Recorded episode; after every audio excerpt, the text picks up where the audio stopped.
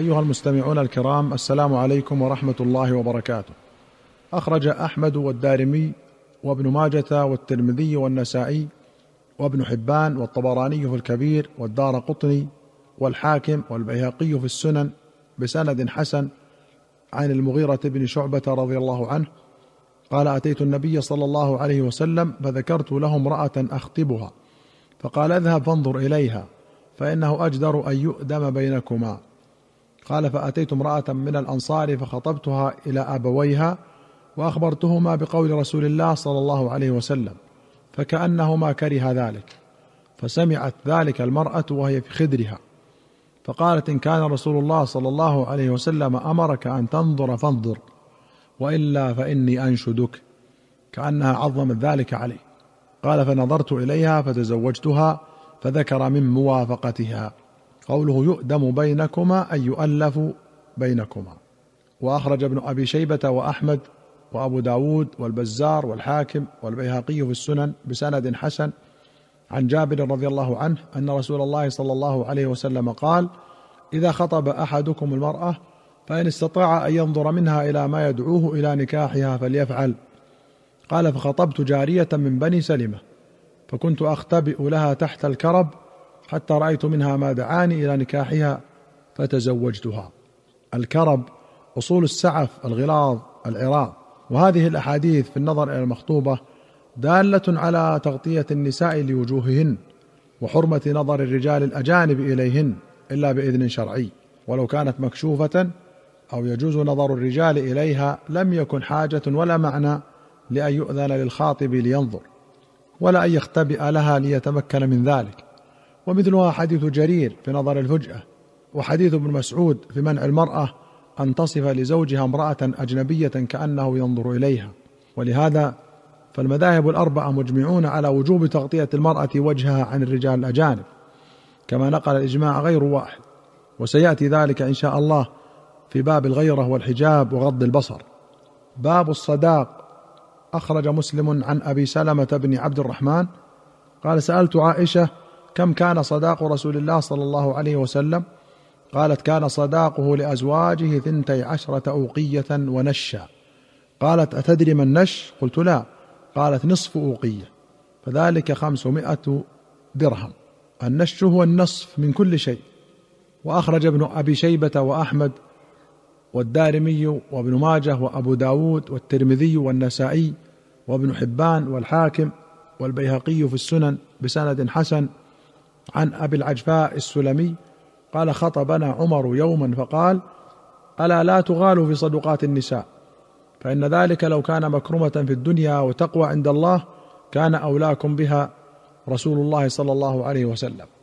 ما أصدق رسول الله صلى الله عليه وسلم امرأة من نسائه ولا أصدقت امرأة من بناته أكثر من ثنتي عشرة أوقية. وإن الرجل ليغني بصدقة المرأة حتى تكون لها عداوة في نفسه. سبق طرف من الحديث في كتاب الجنائز والصدقة بالضم المهر. والأوقية قال ابن الأثير هي في الحديث أربعون درهما. لكن الآن تختلف باختلاف أرطال البلاد. والرطل مع اختلاف مقاديره اثنتا عشرة أوقية. وقال القاري فإن قلت نهيه عن المغالاة مخالف لقول الله تعالى وآتيتم إحداهن قنطارا قلت النص يدل على الجواز لا على الأفضلية. وأخرج البخاري ومسلم عن سهل بن سعد رضي الله عنه قال جاءت امرأة إلى رسول الله صلى الله عليه وسلم فقالت يا رسول الله جئت أهب نفسي لك. فنظر إليها رسول الله صلى الله عليه وسلم فصعد النظر فيها وصوبه أي رفعه وخفضه ثم طأطأ رسول الله صلى الله عليه وسلم رأسه. وفي رواية فخفض فيها البصر ورفعه فلم يردها. فلما رأت المرأة أنه لم يقض فيها شيئا جلست. فقام رجل من أصحابه فقال يا رسول الله إن لم يكن لك بها حاجة فزوجنيها. قال فهل عندك من شيء؟ فقال لا والله يا رسول الله. فقال اذهب إلى أهلك فانظر هل تجد شيئا. فذهب ثم رجع. فقال لا والله ما وجدت شيئا. فقال رسول الله صلى الله عليه وسلم انظر ولو خاتم من حديد. فذهب ثم رجع فقال لا والله يا رسول الله ولا خاتم من حديد. ولكن هذا إزاري. قال سهل ما له رداء فلها نصفه. فقال رسول الله صلى الله عليه وسلم ما تصنع بإزارك؟ ان لبسته لم يكن عليها منه شيء. وان لبسته لم يكن عليك منه شيء. فجلس الرجل حتى إذا طال مجلسه قام. فرآه النبي صلى الله عليه وسلم موليا فأمر به فدعي. فلما جاء قال ماذا معك من القرآن؟ قال معي سورة كذا وسورة كذا. عددها. قال تقرأهن عن ظهر قلبك؟ قال نعم. قال اذهب فقد ملكتكها بما معك من القرآن. وفي رواية انطلق فقد زوجتكها فعلمها من القرآن.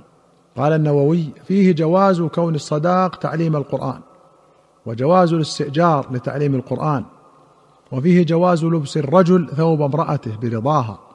وأخرج مالك والشافعي وابن أبي شيبة والبيهقي في السنن بسند صحيح عن نافع أن ابنة لعبيد الله بن عمر وأمها بنت زيد بن الخطاب كانت تحت ابن لعبد الله بن عمر فمات عنها ولم يقربها وكان لم يسم لها صداقا فابتغت أمها صداقها فقال لها ابن عمر لا صداق لها ولو كان لها صداق لم نمسكه ولم نظلمها.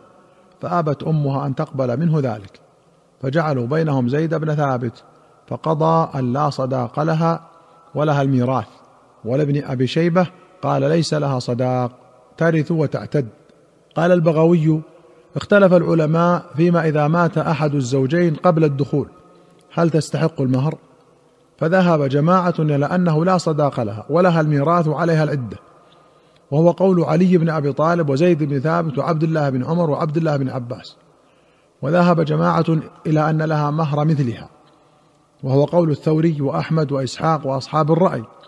واحتجوا بما روي عن علقمة عن ابن مسعود أنه سئل عن رجل تزوج امرأة ولم يفرض لها صداقا ولم يدخل بها حتى مات. فقال ابن مسعود لها صداق نسائها لا وكس ولا شطط وعليها العدة ولها الميراث.